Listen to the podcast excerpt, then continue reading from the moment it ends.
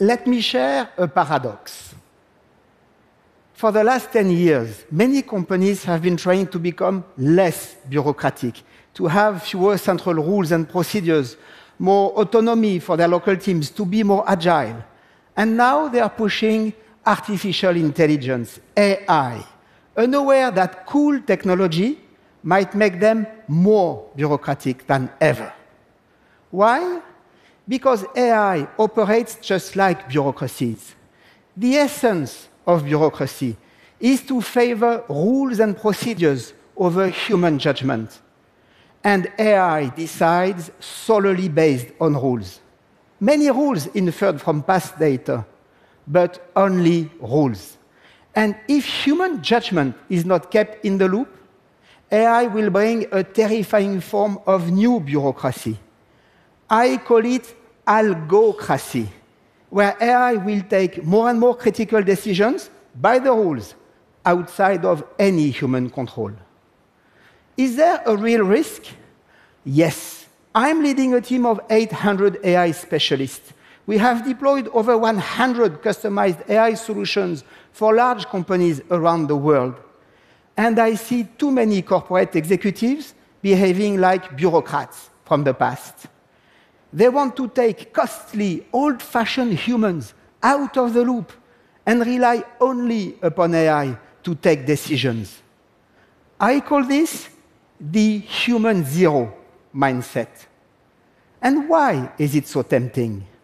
Because the other route, human plus AI, is long, costly, and difficult.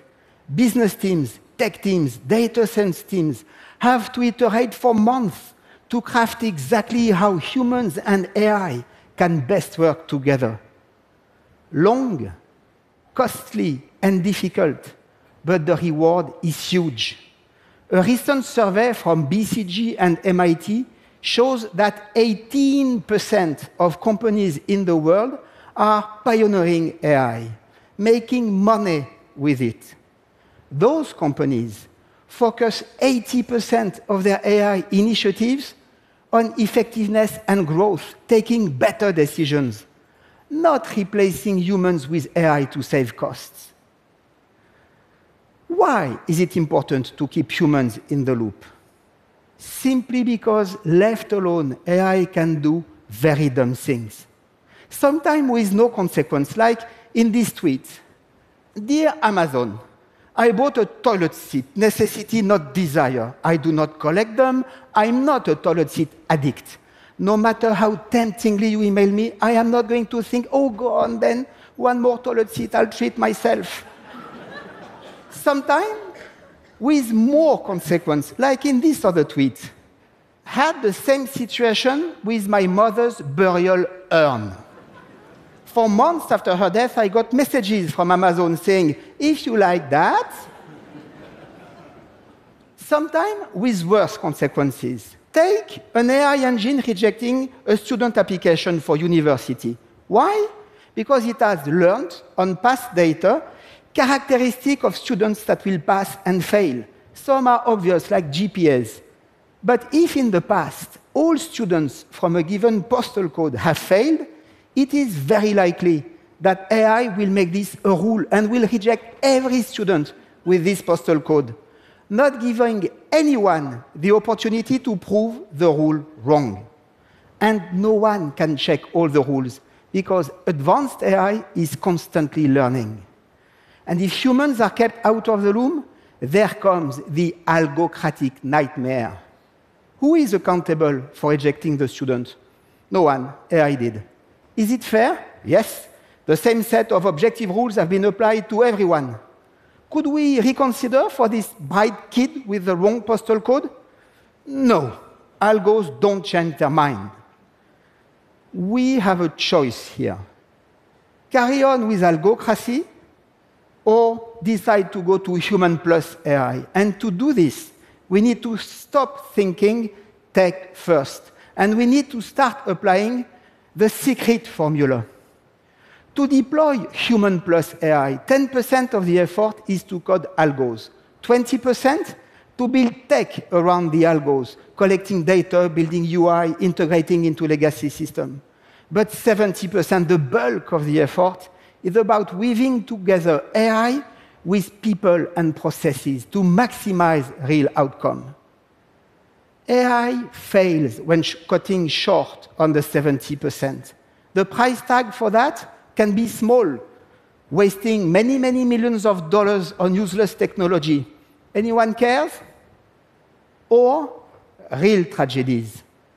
346 casualties in the recent crashes of two B737 aircrafts when pilots could not interact properly with a computerized command system. For a successful 70%, the first step is to make sure that algos are coded by data scientists and domain experts together. Take healthcare, for example. One of our team worked on a new drug with a slight problem. When taking their first dose, some patients, very few, have heart attacks. So, all patients, when taking their first dose, have to spend one day in hospital for monitoring, just in case.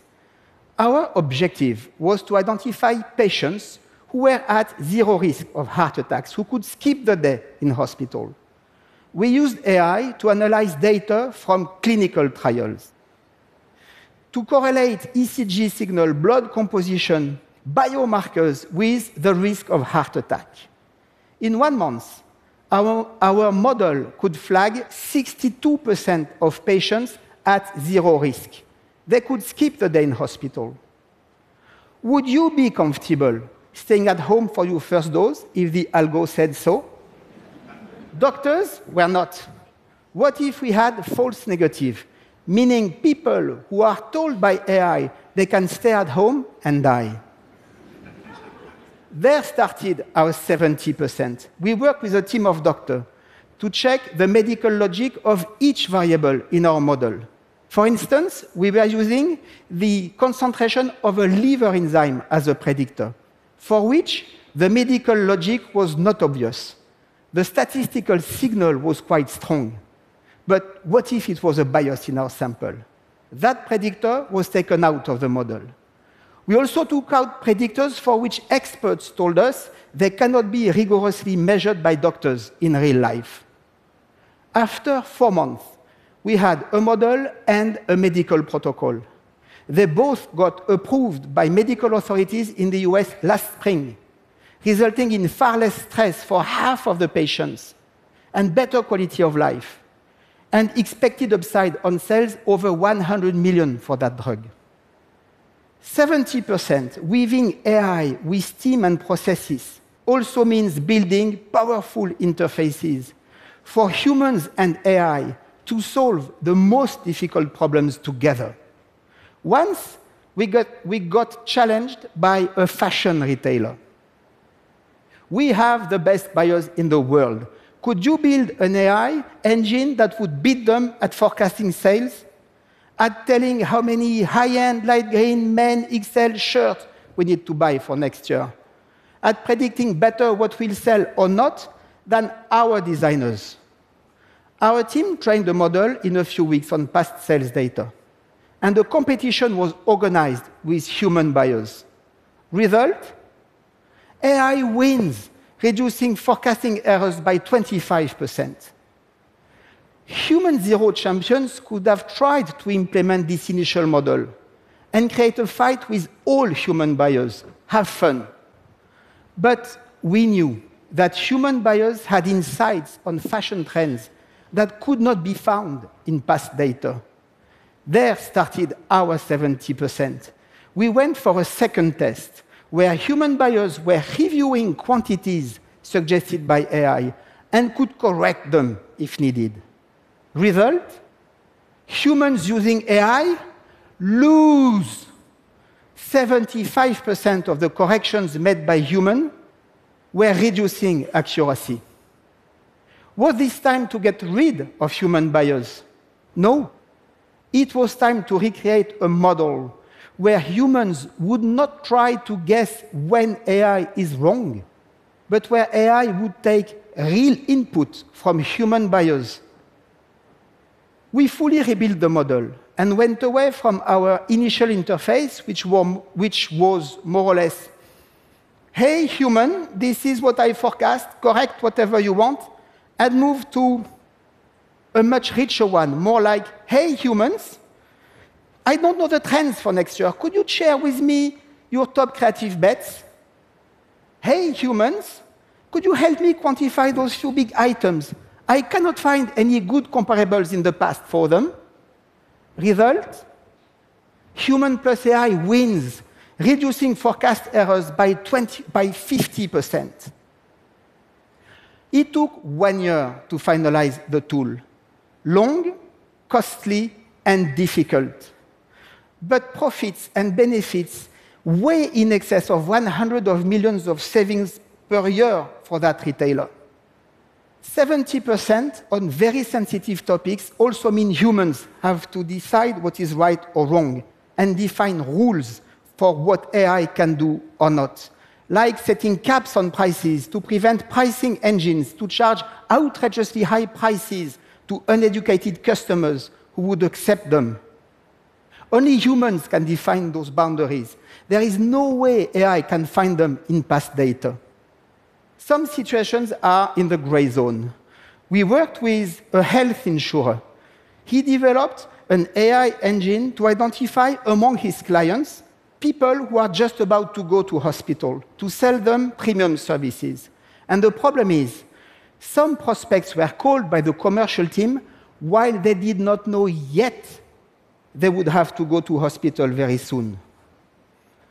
You are the CEO of this company. Do you stop that program? Not an easy question. And to tackle this question, some companies are building teams defining ethical rules and standards to help business and tech teams set limits between personalization and manipulation, customization of offers and discrimination, targeting and intrusion. I am convinced that in every company, applying AI where it really matters has massive payback. Business leaders need to be bold and select a few topics, and for each of them, mobilize 10, 20, 30 people from their best teams tech, AI, data science, ethics and go through the full 10, 20, 70% cycle of human plus AI if they want to land AI effectively in their teams and processes. There is no other way. Citizens in developed economy already fear algocracy. 7,000 were interviewed in a recent survey. More than 75% expressed real concerns on the impact of AI on the workforce, on privacy, on the risk of a dehumanized society. Pushing algocracy creates a real risk of severe backlash against AI within companies or at, in society at large. Human plus AI is our only option to bring the benefits of AI to the real world. And in the end, winning organization will invest in human knowledge, not just AI and data. Recruiting, training, rewarding human experts Data is said to be the new oil. But believe me, human knowledge will make the difference because it is the only derrick available to pump the oil hidden in the data. Thank you.